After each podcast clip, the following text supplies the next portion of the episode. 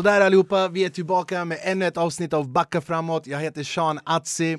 Vi är inne på säsong nummer fyra, vi har haft grymma gäster. Vi ska göra en liten grej här nu, men innan jag påar dagens gäst som jag har sett otroligt fram emot så vill jag lyfta upp ett företag som heter Oparusic. Det är en reklambyrå här i Stockholm, Sveavägen. Vi vill lyfta upp det här bolaget för att de har hjälpt oss så mycket med Backa framåt och de jobbar med allt som har med reklam och reklambyrå att göra. Vi har en liten kort video om dem. Följ dem, gå in. Behöver ni någonting så följ. Här kommer reklamen.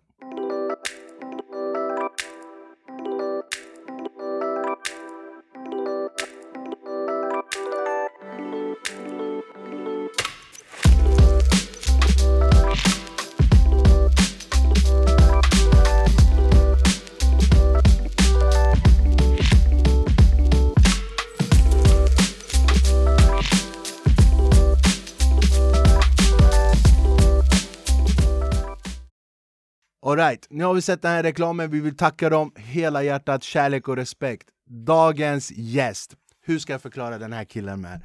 Uh, ah, det, alla vet, du vet, när man säger ordet Dogge, alla vet vem man pratar om, okej? Okay?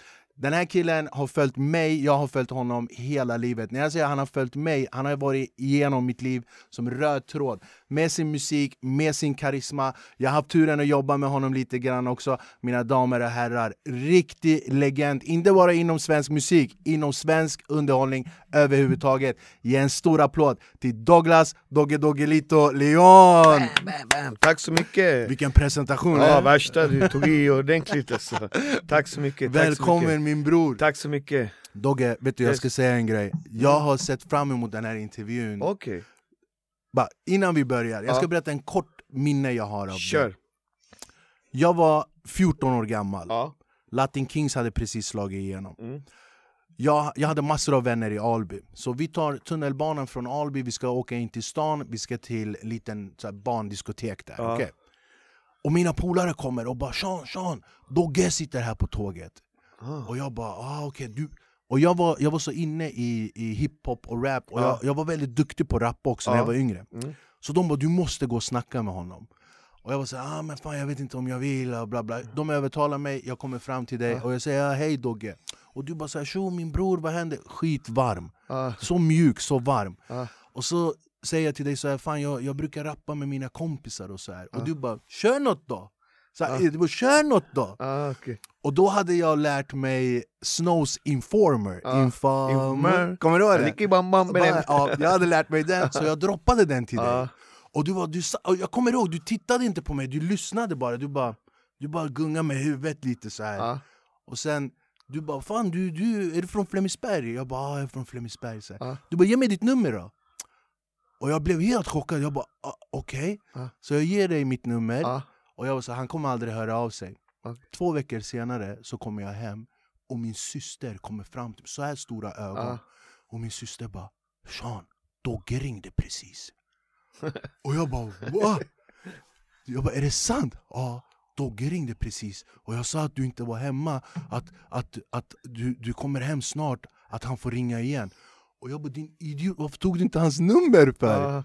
Och så ringde du aldrig igen. Ah, shit. Jag tappade lappen säkert eller Men du ringde i alla fall! Oh, otroligt! Och jag, jag tyckte det var så stort. Mm. Och anledningen till att jag berättar det här, jag vill bara säga vilken respekt jag har för det du har gjort. Jag menar verkligen det. Tack så mycket, tack så mycket.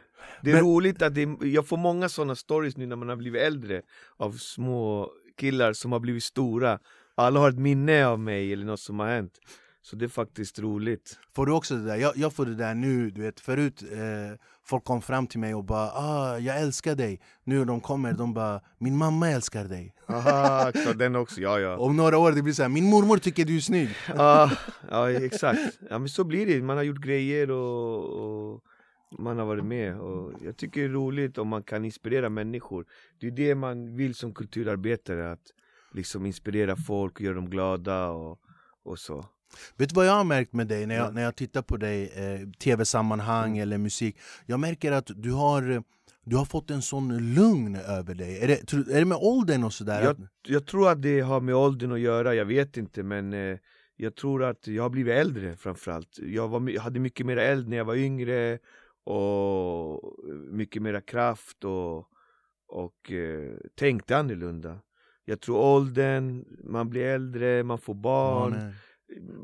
Man liksom har levt livet Så jag tror och sen också, växer man ifrån många saker liksom. ja, jag tror också man har inte den här, den här eh, bekräftelsebehoven som man hade när man var yngre också. Att liksom man, man tyckte det var kul när folk skrek efter en eller du vet att Jag tror Eh. också om man har, har växt upp tufft och kanske varit utanför alltså, samhället och sånt, då kanske det är viktigt att få bekräftelse mm, liksom ett tag, men sen också förstår man att det kanske inte är hela världen heller liksom. Men någonstans så skriker vi högt fast vi kanske inte skriker rakt ut så, men vi, vi vill ju bli omtyckta eller få kärlek. ja det är så. Sen blir man äldre, då, då vet man mera liksom. Men ska vi börja från början då Dogge? Du, du är uppvuxen ute i Alby, Mm. Yes, Alby. Botkyrka, du har ju fan satt Botkyrka-kartan liksom. Ja exakt, jag har bott där hela mitt liv, 45 år i Alby, så jag bor kvar där också. Eh, vad är det, är det 90 90-91 ni började med Latin Kings? Alltså jag började rappa 1983 83? Sen 89 gick jag med i, eller 88, 89 gick jag med i Latin Kings för i, i, i våran skola, i Albyskolan så hade vi, vad heter det, matte och sånt där och tyckte det var tråkigt, vi ville bara rappa Så fick vi rappa och då sta- startade vi Latin Kings. Sen 92 var vi med i Rap-SM, kom trea i Rap-SM Och 94 släppte vi vår eh, album eh, Välkommen till förorten som Ah, blev två grammisar och När du gick upp på scen med hårnät Ja, och... ja exakt. Jag kom från förorten och inte visste vad förorten var ens liksom. Ja. Det var inte så mycket som och det, var, det var verkligen en speciell tid i Sverige och att man fick vara med om allt det där. Det var, Vilka var dina inspirationer när det gäller rap och hiphop då? Du säger jag började rappa åt, vilka lyssnade du på? Alltså man lyssnade på de första rappen som kom, alltså det var ju allt från Beat Street-plattorna, eh, BCB, alltså, och sen kom ju KRS-One och... Ja, jag var inte så jättemycket i Criminal Minded-skivan och så jag var mer inne på 86 kom ju Eric B. Paid in Full. Ah, okej. Och när den kom, när man hörde Rakim rappa då, då bara shit. Jag, Då hade jag rappat i två, tre år men då, när man hörde honom då bara Jag vill verkligen bli rappare. Det där var ju, Rakim var ju Ja. rap också, det var ju... Alltså, och det roliga var att jag läste en artikel med Tupac. Han sa exakt samma sak, han bara När jag hörde Rakim rappa, då visste jag att jag också ville bli rappare Rakim inspirerade så många människor med sin, sin flow och sin style av rap Så att man, man blev frälst på något sätt. Men Dogge, jag tror inte du är riktigt medveten om att du har ju gjort mer eller mindre exakt samma sak i Sverige. Ja exakt, jag, jag, jo jag förstår det. Grejen var att jag lyssnade på amerikansk rap som jag förstod också att jag ville ha jag kom från gamla skolan där Mm. det handlade om att ha en egen stil, man måste vara egen Man kan inte låta som den eller den, man måste hitta sin egen style Mm. Och eh, jag är glad att jag kommer från den ortodoxa rappen För då gjorde man sin egen stil Och den stilen gjorde ju att förortsrappen kunde finnas idag i Sverige och allt det här Och, det, och det, man, är bara tacksam att man fick vara med om det alltså. Men alltså jag är bara 94, glad. 94 när eh, eh, Välkommen till min förort, när den Ja, kom ut, Ja, jag, jag kommer ihåg det, alltså, jag, jag är som sagt född och uppvuxen i Flemingsberg ja, och vi, vi hängde ju mycket ute i Botkyrka, Ja. speciellt Alby vid jaktslottet så Ja. att vi spelade kort. Eh, och jag, vet, jag kommer ihåg när den kom ut att du vet, innan det så var ju så här hiphop lite med, vad, heter den gruppen, just det och de här, Ja det var inte riktigt hiphop, ja, det var eh, mer eh, annan typ av rap men det var så här trubadur-hiphop Ja, liksom. Det var så här. Markoolio, Sean Banan, lite det stuket. Eh, och sen kommer ni ut där vi ser och vi bara, men vänta, de här killarna ser ut som oss, låter som oss, upplever, upplever det vi har upplevt. Och det jag tycker var så otroligt genuint med just er och dig i början och nu också, att ni rappade om det ni var med om. Det var så genuint. Det var inte så här, hur ska jag säga, typ som dagens hiphop och rap i Sverige kan jag känna, det är lite så här fantasifigurer. Ja, alltså vi försökte bara Alltså gamla skolan rap, det var alltid viktigt att ha ett budskap och vara ärlig så att säga Mm. Det var väldigt viktigt så att vi försökte alltid eh, liksom ha ett budskap och försöka göra bra rap liksom Och det, man kunde inte man kunde inte göra fantasirap riktigt, det var inte våran grej liksom Vi var nog redan för allvarliga och ville göra riktig, riktig musik så att säga Men- Något som är tidlöst liksom Men så en annan grej, det här med speciellt Latinamerika. Ja, alltså, det är väldigt, väldigt många hiphop och rapartister i Sverige som är från Latinamerika. Hur, hur, varför tror du att det är just så? För att vi har berättarkultur, berättartraditionen. Alltså, det, det är en del av vår kultur att berätta. Och sen spanskan är ett väldigt stort språk. Mm. Alltså man glömmer oftast bort att eh, eh, största språket i världen är mandarin. Men på nummer två är det faktiskt spanska. Det, Före engelska till och Ja, med. för engelska. Ja. engelska är på fjärde plats eller något sånt där. Men spanska är ett väldigt stort språk och det finns väldigt mycket ord. Du kan förklara för en sak på flera olika sätt och så här.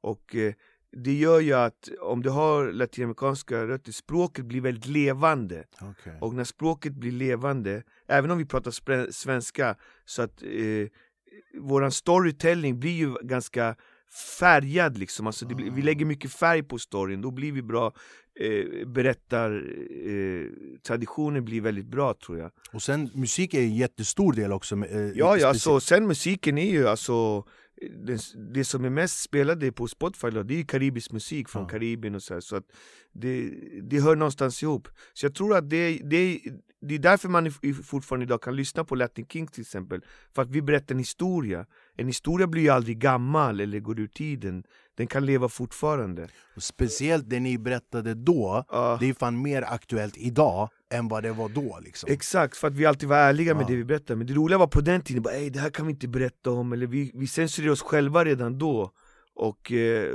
det kan man tänka, det brukar vi skratta åt idag liksom Att man hör på Välkommen till förorten att vi inte pratar så mycket slang Men på platta nummer två pratar vi jättemycket Ja. slang.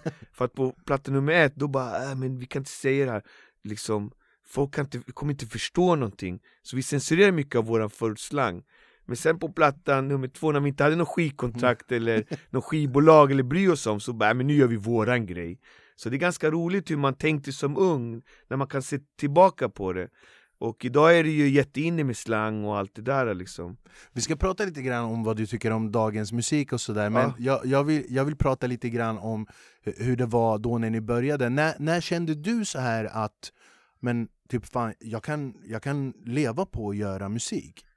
Var det Ja. rätt tidigt eller var det efter? Jag visste när jag var liten att jag ville bli stor sångare, det var min dröm alltså Jag kommer ihåg när vi satt på muren, alla vi fattiga eh, barn i Alby Och så snackade vi så ah, den där bilen ska jag ha, där ska jag bo Och jag sa, jag kommer ihåg vad jag sa, jag sa så här, när jag blir känd sångare så ska jag bo i det där huset Och det är det huset jag pekar på, det är det huset jag bor i hur, idag gammal, hur gammal är du då? När Ja, du men Då säger? är vi så här 6-7 år 6-7, du visste jag ska bo ja, där? Jag rappade ju när jag var 7 år redan Då var det så här, ah, han som rappar Fan häftigt och ja. så den bänken, det finns en bänk i Alby som där jag började rappa där jag kommer ifrån, från min gata och då finns det en skylt på den. Här blev Dogge Dogge. För jag satt alltid på den där bänken och rappade när jag var liten. Och sen 83, då vann Carola Melodifestivalen. Och hon, är, Främling då? ja, och hon är från Botkyrka. Och Främling var tydligen en syrian från Norsborg. Hon var ihop med i smyg eller något, brukar jag skoja? Här syrianerna i Norsborg, de är Nej, överallt Men hon var ju från Norsborg. Och det var ju bara över motorvägen från vi som är från Albyberget Så att eh, Det är säkert någon så när Johnny hon som vann, och du vet hon inspirerade oss så mycket, hon shit hon är härifrån, hon vann hela melodifestivalen Alltså, vi, vi vill också vara på tv som Carola liksom, hon var ju skitsnygg och det var ju värsta grejen. Så att hon egentligen blev sk- startskottet för mig, hon visade vägen att man kan komma till tv och man Ah. kan sjunga liksom. Men var- då visste jag inte riktigt vilken formel. För min pappa är karibenier så jag ville hålla på med salsa-musik. Men det fanns ingen som höll på med salsa. Så när rap kom, då funkade det, då behövde man bara papper och penna och då blev det, man behöver ingen medlemsavgift, ingen dyr utrustning Det är bara papper och penna du vet. Ja. det, Allt annat kostar ju du vet, så rap blev perfekt för oss fattiga barn att hålla på med. Det, där, det, där, det var någon Johnny från Norsborg som ljög för Carola, han har restauranger, han bara lurade henne. Han bara, ja, Säkert, Nej, någonting alltså, han bara och så, så gjorde han låten Främling. Han bara det är jag, det är jag. Garanterat. Det är mig jag, eller? vet- jag vet inte om det stämmer men det är vad, de skojar om i alla fall. Men hur Sen- känns det sen att jobba med henne? För att jag vet ju att ni har gjort mycket Ja, vi tillsammans. gjorde all sång, jag var med på hennes skiva och jag uppträdde med henne på 30-årsjubileet så det var kul, en dröm, och det sa jag också på 30-årsjubileet Hon bara 'Nu firar jag 30 år som artist, jag började 1983' Och då sa jag så här, det är helt sjukt för att 1983 började jag rappa när du vann. Och då började jag också, så jag måste Ja. också fira 30-årsjubileum Och att du bjöd mig till att sjunga på ditt 30-årsjubileum i Botkyrka kyrka, det var ju oddset på det. Ja, Det kunde jag bara drömma om när jag var liten. Vi- Så det var eh, otroligt hur, jag tror på Gud, hur Gud jobbar, det är otroligt. Ja, jag är också, jag, jag är troende, jag tror på Gud, men jag tror väldigt mycket på karma. Ja, så det var, det var fantastiskt alltså. det var, Jag är så glad för den här resan jag fått göra. Men Dogge, vi ska inte sticka under stolen, men det är ju få om någon som har gjort lika mycket och som fortfarande gör lika mycket som du gör inom svensk underhållning. Hela tiden, hela tiden. Underhållningsbranschen, nöjesbranschen, och musik framförallt, jobbar och gör. Jag vill, det, jag vill leva och dö så, det är det som är mitt, alltid. Sen jag var liten, jag sjöng, skrev låtar och det vill man fortsätta med bara. Men då, finns det, då har jag en fråga så här, när du, när du har den meritlistan du har, du har gjort så mycket, Ja. eh, har du några mål kvar? Bara, typ, det där ska jag göra, det där vill jag göra. Alltså, när man älskar musik så mycket som jag gör och håller på med det, det man blir aldrig klar. Ja. Det finns inte att man är klar. Det är, där, det är hela tiden det är lite så här, nu har jag gjort den här låten, den här skivan, nu, nu nästa skiva, nu ska jag göra det här och det här. Så det är hela tiden tankar på melodier, refränger, titlar. Det är det som driver mig hela tiden. Det, man blir aldrig klar liksom. Det, det är ett heltidsjobb tills man Men sen- ut sen- liksom. Sen när, när ni började, Mm. då fanns det ju bara eh, liksom skivor. Alltså, Ja. man, man kunde bara göra... Ja. Men med, vad tycker du om dagens alla plattformar? Alltså, vi snackar om Spotify och det är Youtube. Jag tycker det är fantastiskt. Jag tycker det är jättehäftigt. Synd att man inte får så bra betalt, men det förstår jag också. Men jag tycker alltså, det man kan göra idag med dator eller telefon, det är otroligt. Ja. Det var, vi kunde aldrig göra det där. Vi brukar ju baxa tunnelbanan, ta micken där och rappa. Och, så det man kan göra idag, jag tycker det är helt fantastiskt. Det gör ju lättare för mig att arbeta också. Absolut. Så för mig är det fantastiskt, medan jag håller mig borta mycket från datorer, tv och sånt. Du är inte så duktig på sånt där va? Jag är inte duktig och det är lite själv, mm, självvållat också. Jag vill inte jag vill inte slösa mitt liv på en skärm. Skärmtid. Jag skriver fortfarande, idag ska jag till studion efter, jag tog med mitt, eh, min Penna och och mitt block och har den i bilen. Suddgummi. Suddgummi, jag har det här, jag lovar. Det är helt sjukt. Jag, lovar, jag måste bara visa. Vad jag säger? Har du suddgummi i fickan? Alltså har det är så nostalgi på dig lär. Bästa Dogge. Kolla, den här tog Kolla! med. Ah, visa den, visa den kameran. suddgummi. och det, det är lite så jag är. Jag, alltså, jag ser, du vet när jag ser människor och så här, jag älskar människor och allting men jag ser att folk, de är inne i skärmtid, de är inne i datorn, de är inne i telefonen. Jag är också inne i telefonen så här, absolut, jag är inte bättre än annan men tänk, tänk hur mycket tid man slösar på att vara framför en skärm varje dag hela Ja. tiden. Ett helt liv går åt. Lätt. Och jag vill inte hamna i det där. Jag vill liksom hålla mig bort från, jag vill leva, prata, ses. Nu kanske inte kramas men liksom vara mänsklig med det liksom. Men är du så med dina barn också? Att liksom, Nej, de är helt, de är, du har ingenting att jag tycker det är säga? världens bästa barnpass, de sitter sådär men jag, jag ser att nya generationen, de, de det är elakt att säga men de fattar Ja, ingenting. men du såg ju min son, han, Ja. han hade sin telefon han så... tittar, han bara ja. hej. Vem är du? Ja. Nej, de är helt inne i det Ja, där. Det var ett ord kommentarer liksom. Men det, är, jag, jag, det är inte deras fel heller, de växer upp i den här tiden och man får respektera och acceptera det. Men jag personligen, jag, jag vill inte eh, för mycket av det liksom. Jag är lite rädd för det faktiskt. För att jag vill skriva och läsa böcker, alltså by- bygga mitt sätt på ett annat sätt. Jag, jag tror att vi, vi, jag kommer ju också från den generationen med liksom, när jag skrev stand-up, det är penna och Ja, papper ja. och man, eh, man eh, provar det i huvudet och Mm. skriver ner det som är rätt, det som är fel. Eh, men jag, jag tror liksom dagens, de, de, är, de är lika kreativa, om inte mer De kreativa. är mer kreativa, ja, men, ja. men på ett helt annat sätt. Ja, ja, liksom. de är superkreativa. De, de har ju så mycket försprång än vad vi Ja. hade redan med alla verktyg som finns. Så de verktygen hade ju inte vi, så det ser man ju bara musikaliskt och allting. men vi, Fast jag vi, gillar hantverket. du En det. gitarrist är alltid en gitarrist som har lärt sig spela och spela. Det kan aldrig en data göra riktigt liksom. Jag förstår vad Så, du att- så menar. att det, jag, jag är mer den, där är jag gamla skolan på något sätt liksom. Men jag tycker också där du, det är jättefint sagt, en gitarrist är alltid gitarrist och, och det, blir, eh, det blir mycket mer genuint när man inte implementerar olika ljud med datorn. Exakt, datorn är en bra hjälpmedel och gör mycket och, och, och är ledande inom all musik idag, absolut. Men jag gillar de gamla hantverkarna, trummisar, basist, eller du vet, sångare som sjunger på riktigt kan sjunga eller kan rappa. Inte Ja. som använder så mycket effekter och även det är inte fel heller. Jag vill inte klaga heller vara någon sur gubbe men jag tänker mycket så liksom. Men vi pratade lite grann om att liksom det finns så många, många olika eh, eh, genrer och må många olika plattformar idag Mm. som inte fanns då. Mm. Om jag får fråga, du som har varit med länge, vad tycker du är, förutom olika plattformar och sånt där, vad tycker du är den största skillnaden mellan hiphop när ni började och hiphop ser ut idag i Sverige? För den har ju fått en sån jävla explosion senaste Ja, tiden. alltså det...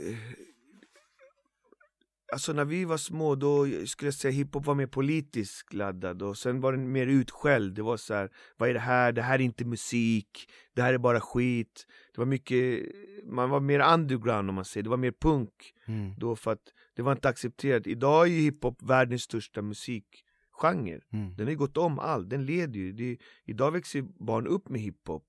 När vi var små var det ju bara vissa som lyssnade på hiphop, vissa karaktärer eller som kunde känna igen sig i hiphop. Så på så sätt har det ändrats. Sen det tekniska har ju ändrats med dator och allting. Att när vi var små så samplade vi eh, basar och trummor och allting. Och då blev det ett speciellt sound. Och eh, idag så spelas allt det där, det behöver inte sampla eller du får inte sampla, så då spelar de med allting. Men det är samma sak där. Alltså om du samplar någon som är fett grym på, på, på bas och någon Mm. människa som verkligen har spelat det. Det är svårt att göra det lika bra liksom med datan eller någonting. Men Så du tycker inte det är lika politiskt längre, eller? Kan vara det, men nej det är inte lika, det är inte lika det, jag skulle inte säga att det är samma tyngd. Det, idag är det mer kommersiellt. För och jag- det är inget fel med det, alltså, det får vara kommersiellt, jag har inget emot det men jag tror att rappen var mera punk Det förr var politiskt laddad. Ja, det var liksom. uh, mer argare på ett annat sätt. Jag känner lite grann, när ni, alltså den förut rap, det var alltid så här sparka uppåt. Ja, exakt. Alltid så här, ja men sparka uppåt. Är man missnöjd med regeringen, prata om det. Är man missnöjd med förorten, prata Mm. om det. Vad kan vi göra bättre här ute? Prata om det, rappa om det. Få, få, få folk att bli medveten om vad som händer här som Saker inte är bra.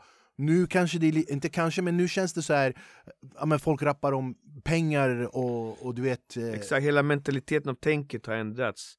Liksom, och eh, det, det har väl att göra med att rap har blivit en stor sport där man kan tjäna pengar. Ja. Innan, de, innan rap var rapparna bara rappare och de var där för att de älskade rap. Kanske inte för pengar, sen om de fick pengar och, och kändisskap älskar de det också såklart. Men det var inte grund, grundgrejen Nej. Och så jag tror att eh, det är klart, rap går i utveckling som allt annat liksom. Jag såg dig på... Jag, jag, jag brukar tänka på en Ja. annan grej om jag bara får inflika en kort grej att Ibland jag brukar tänka så här, shit vilken grej vi gjorde för att det, För oss handlar det inte bara om rap För att när vi kom När vi åkte runt och turnerade i Sverige i början där när vi blev kända Då kunde vi komma till en stad vi säger någonstans i skogen någonstans och så fanns det en pizzeria och, så, och det pizzabagaren han var så glad att vi kom och kramade om oss och nej ni ska inte betala, vi bjuder, ni är grabbarna liksom och vi har aldrig sett honom men vi blev också inte bara rappare, vi blev så viktiga personer att representera något positivt. Definitivt. För när, när, vi, när vi var små, du vet, man kunde säga jävla svartskalle på tv och det ena och det andra och invandrare hit och dit och, och, och, och vi, och vi blev de första som liksom gjorde någonting bra i stort sett, liksom, som folk var stolta över oss. Och det har ingenting, den här snubben lyssnar inte på rap. Han visste inte eh, Han våra bakar låtar pizza. ja, exakt, utan att tala in honom. Men just det där, det blev något så mycket annat liksom. Och det tyckte jag var, väl, när jag tänker idag, jag tyckte det var så vackert ändå liksom. Men ni blev ju, alltså Latin Kings och speciellt du blev ju en så frontfigur av det som var kreativt ute i förorten. Ja, Det- jag tror att förut inte ens existerade, det var man pratade inte som idag. Nej, Förort eller orten eller nej, det, nej, nej. Det var ingen som pratade, det var liksom en osynlig plats som inte fanns. Det fanns ingen röst därifrån. Ja, men ni var ju de Vi första. blev en, en, en röst därifrån på något sätt. Vet du, jag brukar säga till min son, du har precis träffat honom, Mm. eh, jag brukar säga till honom, han, är, han spelar fotboll Ja, och han blir eh, väldigt arg och irriterad om han förlorar en match Mm. eller om han inte liksom mm. gör bra ifrån sig. Han blir verkligen jättearg. ja, Och då brukar jag säga till honom så här, det är inte bra att vara bäst. För om Nej. du är bäst, det kommer alltid någon bättre. ja, bara, om du är unik, det finns bara du. Ja, Ingen kan ta det ifrån dig. nej. Och du och Latin Kings, ni var ju unika och ingen kan ta det ifrån er. Ja, det, det kan vara, ligga något i det. Det Fint sagt, tack så mycket. Det ligger verkligen Men vi kämpade för att vara unika också. Ni var att, unika att, vara, att göra något som ingen annan gjorde. Ja, vi all- ville inte vara som alla andra för att när vi växte upp Det fanns ju rap och så i Sverige men alla rappade på engelska Mm. och alla rappade om vad som hände i Amerika Ja. Ingen rappade om vad som händer här i Sverige i förorten och idag så eh, kan jag känna stolthet att folk rappar om förorten för att på den tiden Folk säger så här, men vad rappar ni om? Det där är ju inte Sverige och det där, ni bara ljuger och hittar på vi bara nej, det här, vi, vi kommer från, det är så det är här. Ja. Och då hade vi ändå censurerat mycket liksom. Då var det bara fan ni ute i Alby, nu är det så här, varenda tunnelbanestation har tio rappare liksom. Ja, och nu finns det ett Alby i hela Sverige, ja, ja, ex- Nu finns det ett Då- Alby i hela Sverige, Ja, det är när vi var små då var det ju typ bara så här Rosengård, eh, Rinkeby och liksom Alby, Alby, och ja. några till, Botkyrka brukar vi säga då. Och jag kommer ihåg när vi uppträdde i Rinkeby-festivalen, alltså folk älskade oss och kramade oss. Sen åkte vi till Rosengård, du vet, de, Samma sak alltså det blev kaos, de kramade oss och du vet, man var som president typ. Det var Men helt Dogge, när kände alltså. du då så här bara Fan jag, jag kanske är känd ja? När kände du så här bara ah, Första gången jag kände den känslan, det kommer jag också ihåg, och det var att Anna Björkman intervjuade mig i Aftonbladet Okej, och eh, det blev en stor helsida i Aftonbladet. Och på den här tiden måste man komma ihåg, Aftonbladet var en maktfaktor, Det var- det var alltså, det var innan liksom. internet. Ah. Alltså var man i Aftonbladet, det var wow liksom. Och då hade hon skrivit en stor text, här är de som rappar på svenska och en stor bild på mig. Och jag hade en keps som det stod så här Stockholm svartskallar på. Och, eh, och sen åkte jag tunnelbana, som jag alltid gjorde eftersom jag hade ingen körkort och, eh, Hur gammal är du här? Hur gammal är du när det här hände? och det här måste vara 90, 91 kanske. 91. vad är man då, 15-16 Ja, år, ja. kan vara 17 eller nå- någonstans där, åker jag tunnelbana och så ser jag folk så här, börja peka så här. och så pratar de.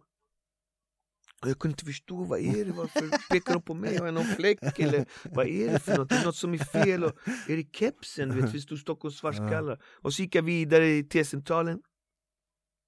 Jag bara fattar ingenting, vad är det? Och sen kom jag på det, Ja just det, jag är i Aftonbladet, tidningen idag Folk känner igen mig Och jag tänkte så här. Shit, är det så här det är att folk känner igen en? De pekar och Ja. pratar Och jag kände så här. Jag tycker inte om känslan Men om det är det som krävs För att få vara rappare och sångare och, och, och liksom bli eh, etablerad ja. Då får jag ta det Så redan där bestämde jag mig Okej, det får vara så, de får känna igen mig, de får peka, de får snacka, de får viska. Men känner du aldrig att det blir för mycket? Känner du Nej, jag har lärt mig yrket som är, jag har hållit på i 37 år i år Så att jag har lärt mig att det tillhör spelet liksom Jag kan känna i, i jobbsammanhang, Ja. jag, jag välkomnar verkligen alltså Ja. allt Men jag känner liksom i lite privata sammanhang mm. ja, Till exempel när, om jag går runt med min son och det bara Ja. kommer fram folk eller du vet man sitter någonstans och du vet, då kan jag bara känna så här, eh, fan jättegärna, det, jag, jag är aldrig oförskämd Men eh, jag också liksom, man, man lär sig hantera sånt med tiden man lär sig att alla människor är olika Alltså en del, till exempel om man sitter med mina barn och vi sitter och äter på en restaurang Och då, vad heter det Förr i världen så förstod jag inte att folk kunde komma fram och fråga när man sitter och äter liksom, Jag tänkte så här, kunde de inte vänta tills man Mm. Men idag så förstår jag att alla människor är olika. Ja. En, del först, en del förstår inte att okej låt dem vara, vi tar det sen eller en del kör bara på. Så att jag försöker ändå vara trevlig mot alla, men jag fattar vad du menar men är man på TV, gör man grejer där i sammanhang där folk kommer känna igen en, då är det sådana där saker som kommer att hända. Jag, Alltså, det- jag intervjuade en kock, eh, Ja. Roy, Roy, Roy Nader, Ja. kärlek till honom Mm. eh, Och vi gjorde en grej, så kom det fram två, tre killar till Mm. mig och tog en bild och så här. Och så, så sa han så här, eh, fan vad fint Sean att du liksom bara tar Ja. din tid och så jag bara, men fan självklart Ja. och Då sa han någonting som fastnade i mitt huvud, han bara, förstår du, tänk dig själv, hur mycket skulle det krävas för dig att Ja. gå fram till någon och be om en bild? Det skulle krävas hur mycket som helst så de gör det och kommer fram till dig liksom. Då Ja. förstår man så här hur mycket, hur mycket det krävs egentligen. Men sen hade du en bra förebild som gjorde det för dig, för jag gjorde ju det för dig Mm. när du var liten. Och då förstår du hur viktigt det var för dig Att man liksom, att man Man måste hela tiden, även, då- om, det- även det- om det är jobbigt, det är tråkigt och även om man är på pisshumör, man måste ändå ge den där lilla grejen. Det, det är så viktigt för en människa. Och ibland de vet inte, de tänker inte att han är privat nu, han är med sin barn, han är med sin fin. De, de, de vill bara komma och ge kärlek. Och jag märker att vissa människor de har svårt att ta emot den där kärleken, de är nej, ingenting, wow. Jag har ju också träffat kändisar som Ja, jag ja, säger så här, hej fan kan vi göra en grej här? Nej, nej, nej jag tar inte sånt, jag gör inga selfies, jag gör Jag tänker såhär, men okej, så här. All Jag ska- inga jag- problem? Jag ska inte säga vem det är, men jag träffade en av mina hjältar. Ja, Alltså bror, hjälte! ja, Superkändis, inte Ja. bara här i Sverige, Ja. USA också. Ja, Jag träffade honom, uff, kanske 10, nej mer, 15-20 år sedan På Sturecompagniet, han Ja. fick mig utslängd ah, shit Ah, Jag bara oh my god, jag bara ah. Vem, vem? Jag kan inte säga Okej. jag, jag, Jo bara, jag vet! jag blev såhär, jag bara, får, får, jag ta en bild? Ja. Och han pratar engelska med Ja. mig, han bara I don't take any pictures kid, säger han till mig Ja, Och jag bara "Wh- what do you mean? Och bara känner du en dörrvakt tar mig i armen och kastar ut mig För att jag stod för nära eller vad fan var, jag vet. liksom. så Och det, de säger så här, träffa aldrig dina hjältar, du kan bli besviken Men Ja. när jag var typ 14 och träffade Ja. dig på tunnelbanan ja. Du bekräftade att fan, till och med hjältar, de är varma Det och kan vara goda. väldigt olika, jag träffar både det ena och det andra, jag har träffat mina idoler och en del har varit skitschyssta, wow, glada. Och en del är som du säger, det är värsta kaoset, man bara wow, Inte alls den bilden jag hade Nej liksom. exakt, så det, alla är olika och det får man, lä- man lär sig i livet. Man gör det. Mycket liksom. Men du är 47 år, du har fem ungar hemma Jag blir 46 Du blir 46, Ja. ja. okej, du blir 46, fem ungar hemma. Ja, hur, jag, jag måste fan fråga dig, hur är Dogge som pappa? Är du den här, eh, för min son är ju 10, ja, jag kan se att han skäms över mig ibland. Att han blir så ah, sluta baba. Hur är du som pappa? Ja men det, det där förstår man ju, de är tröttna på våran grej, vi är mycket egocentriska, vi är i centrum och jag förstår att de tycker det är jobbigt och tråkigt och, och liksom de har ju sitt liv och vill leva sitt liv, Ja. de, har ju, de är inte med på våran resa så, även om de är med så att säga. Så att man, jag, man måste tänka på det, man måste se in i deras värld Absolut och vara på deras planhalva. Jag försöker alltid vara bästa pappan. Det, det är svårt för mig att sudda bort allt det jag har gjort liksom. Jag har hållit på i 37 år och jag är så här. Och ibland är det populärt, ibland är det mindre populärt. Och ibland märker jag att de utnyttjar det också, för de har ju också idoler. Ja. Och då brukar jag säga så här, men han, han, äh, vad heter det, jag var hans idol Mm. när han var liten. De bara du ljuger, du ljuger. Jag bara okej vi går och träffar honom. Så åker vi och träffar dem och de bara hej wow, kramar mig och de tar kort med mig och då ser mina barn, de blir helt chockade du vet. Pappa det är sant, du känner honom, hur? Jag bara ah, inget problem. Och så får de träffas och autografer och allt möjligt. Och Fan, de blir jätte, så, så, så är det jätteroligt faktiskt. Så de har ju fått träffa alla som jag vet som de gillar liksom. Men du har ju Alltså, din, så- din äldsta är 19 Ja. och yngsta är Eh, Manolita han föddes för åtta månader sedan. Så. Bror, hur, hur känns det? Alltså ha en... Det känns fantastiskt, jag 19. tycker det är kul. Min, min 19-åring tog körkort för två, tre veckor sedan och man blir stolt. Ah, fan. och sen är nya föds och det är kul. Alltså, Men bara, är du den här babban som byter blöj? Jag skulle fan ge allt för att se Dogge byta blöja och mata en unge alltså. När min son föddes så sa sjuksköterskan så här, Wow, du kan verkligen byta blöjor. Det, jag ser många papper som eh, tappar och tarvlar och de vet inte vad de gör men här, här är någon som kan liksom. Måste komma, snubben Ja. trodde han var cool för att byta blöja på Ja en fast unge. förra veckan sa eh, min fru då, hon bara du byter aldrig blöjor, du har bytt bara blöjor på honom en gång Det var när han föddes Bara för att visa Ja sjuksköterskorna. då får man tillbaks det liksom så att, eh, Men eh, det där är inga problem, jag har aldrig haft problem med det, det är lätt för mig liksom Ja men du är ju väldigt älskvärd, Så- jag säger liksom när du kom in till min son, du direkt såhär Hej vad heter du? Hur gammal Ja. är du? Du är väldigt så här, du ger verkligen uppmärksamhet jag gillar människor och gillar att prata med folk och, och, och vara så, och lära mig av folk. Man lär sig av alla du vet. Det är det, både bra och dåligt. Det, man lär sig hela tiden. Men du har ju en Man- sån, eh, Man får aldrig sluta lära sig i livet. Dogge du har ju sån erfarenhet av livet bror och nu, Vi har ju pratat om de positiva grejerna Mm. med alla liksom från Grammis till succéer, till TV, till allsång etc. Ja. etc.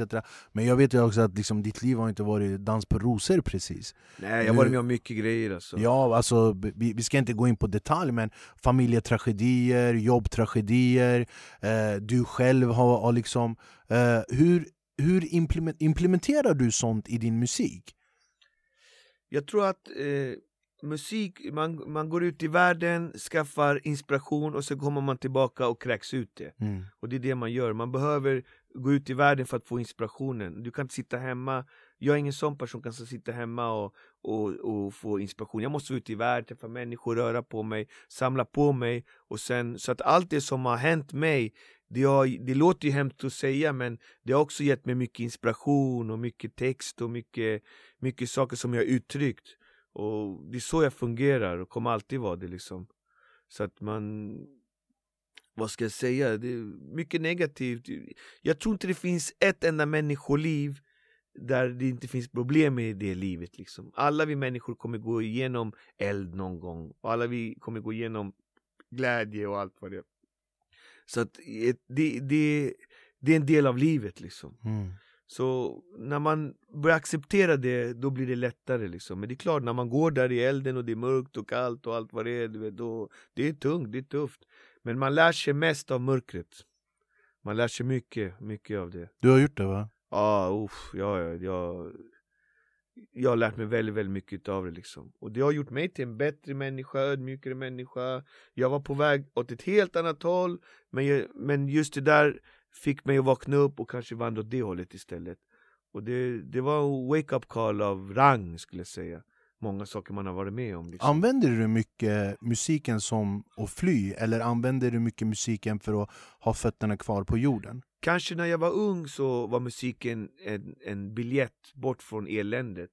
Men idag är musiken någonting där jag bara vill göra bra musik. Jag vill skapa bra musik eller mm, få ut min, min ådra som jag har inom mig. Det är hela tiden den här uh, jakten på refränger och det är aldrig no för någon annan jag gör det. Jag gör det inte för att vara känd eller rik eller ha hits på radio eller få skivkontakt. Jag, sånt där, det intresserar mig inte längre. Jag gör det bara för mig själv, vad jag vill göra liksom hela tiden. Det är, det är nästan viktigare idag att ha den hundraprocentiga konstnärliga kärleken.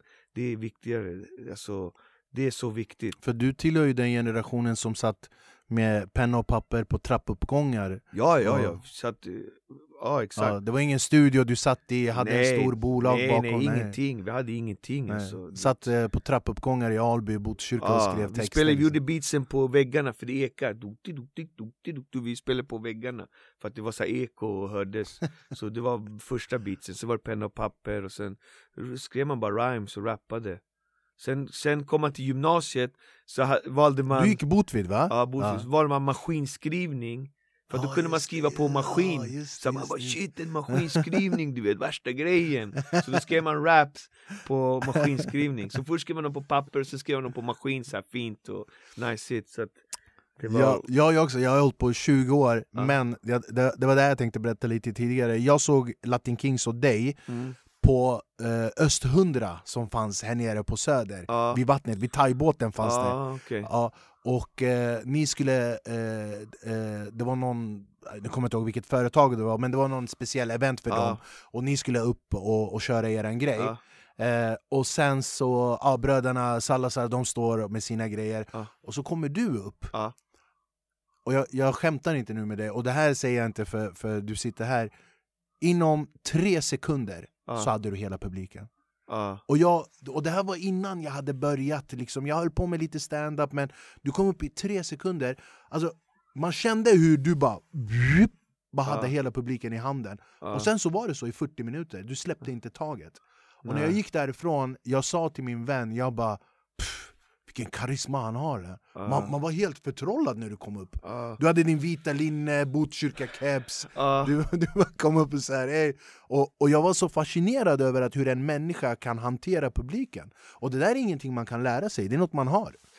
Ja, så jag tror, jag, jag brukar säga att man föds på scenen. Jag brukar se på artister, och jag brukar se så här, den här snubben han föddes på scenen. Vissa andra, de har lärt sig yrket bara och blivit bra på scenen men de har inte jag, jag sjöng redan i kyrkan, i Botkyrka kyrka, i kören För att det var ett straff i, från skolan, jag ville inte det. Men sen också på alla uppträdanden i skolavslut blev det alltid jag som fick sjunga och göra de här grejerna.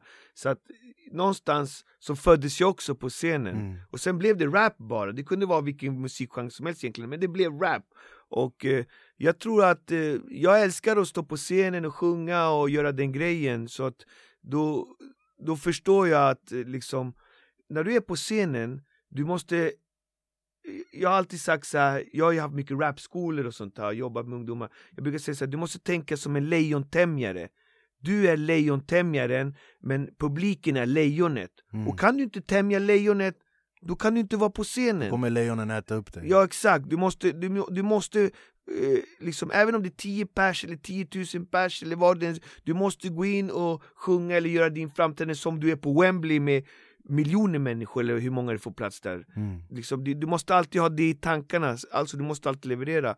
Och jag har haft turen att födas med den gåvan och eh, det har varit kul liksom. För det har gjort att arbetet på scenen har varit lätt för mig. Definitivt. Det har inte varit svårt liksom. För jag har ju sett många, jag behöver inte nämna några namn, men jag har sett artister som har börjat att komma upp på scen, de kom upp och blundade och sjöng och vi bara "Ah, kolla på Shuno, vad gör han? Alltså, det, han var rädd liksom, Ja. man såg rädslan i ögonen att liksom Men var det lite för dig, att- jag brukar känna att det är en, att jag, jag tar det mer eller mindre som en utmaning. mm. Att jag bara, nu ska jag visa vad jag går för. Så Ja, ja. är, du, är du likadan eller känner du så här, Nej jag, jag, nej jag har ingen så här revanschkänsla och så liksom Jag tror att jag var mer arg när jag var yngre och det var mer den som drev mycket så här.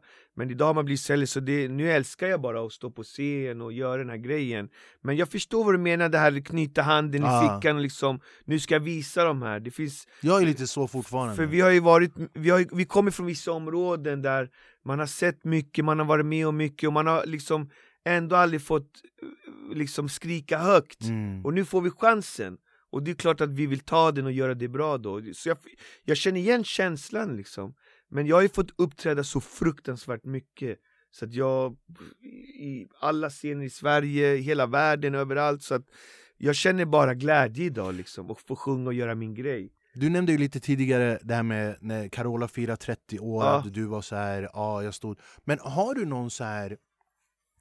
För du har ju, du har ju aldrig rappat på engelska, alltså, Nej, aldrig nej, det, nej. har, det har inte varit riktigt din grej. Svenska bara, Ja. och några låtar på spanska typ varför? Varför har du aldrig intresserat dig med att göra det på engelska? För jag är så dålig på engelska jag aldrig, det, var därför vi, Kort och gott! det var ju därför vi började rappa på svenska, för att jag var värdelös på engelska och det, Jag kände såhär, vad ska jag rappa på engelska? Jag är härifrån, vad ska jag rappa? Det- Jag, jag kör härifrån, vår förortsslang typ Så jag kände aldrig någon så här engelska Och, jag, och folk sa ah, men jag ska börja rappa på engelska för jag, vill, för jag vill lyckas i USA Och jag tänker såhär, shit i Men ni USA. var ju där nere, eller? Ni var ju i USA Ja vi var i USA, vi exakt. gjorde en spansk skiva och turnerade i USA och spelade och så här. Men sen bröt vi kontraktet så blev det ingenting mer men Jag har aldrig, jag har aldrig haft de här, äh, liksom tänkt sådär Jag har alltid velat följa mitt hjärta Mm. och det var alltid att rappa på förortsslang, på vårt språk, på svenska Liksom, så jag drömmer på svenska, jag tänker på svenska Så då vill jag göra det på svenska Det är enklare för dig att skriva också, och sudda bort det.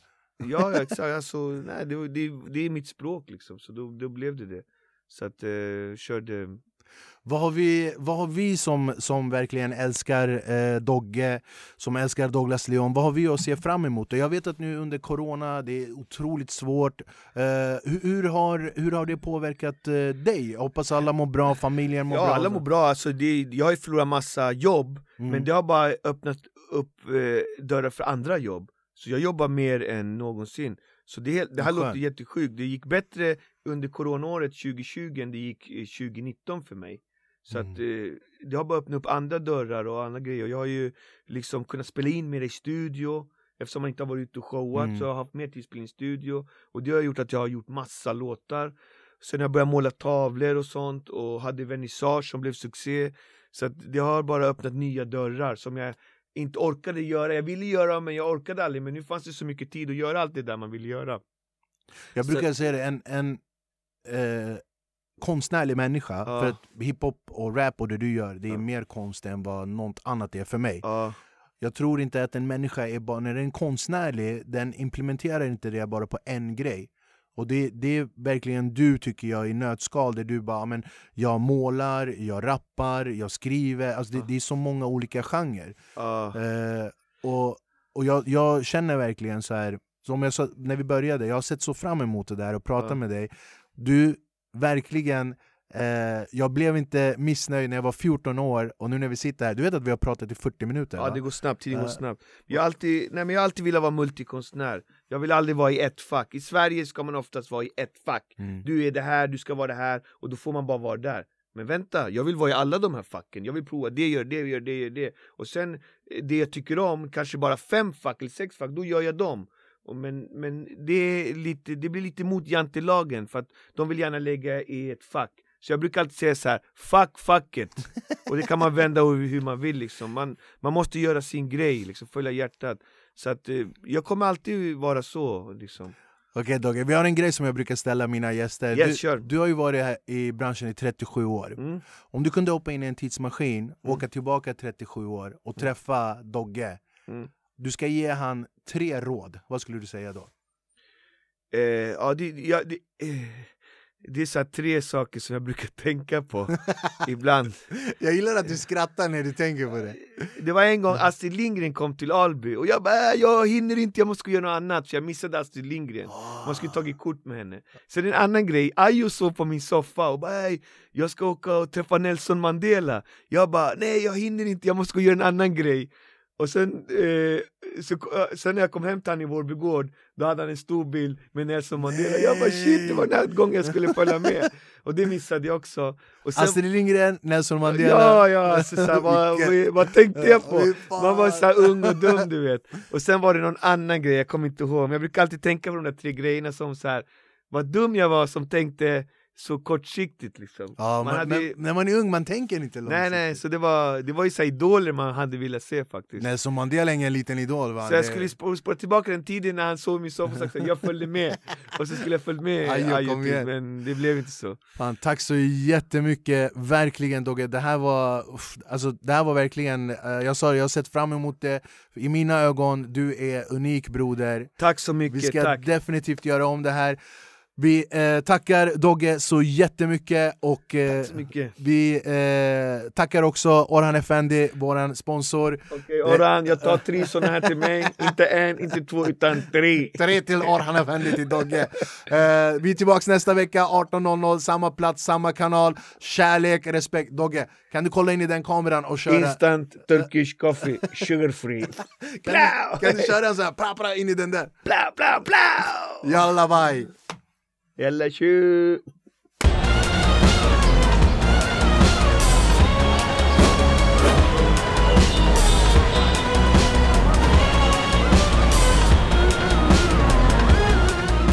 Ska, är ni sponsrade av de här? Ja, ja, absolut. Ska jag ta två sådana i alla fall?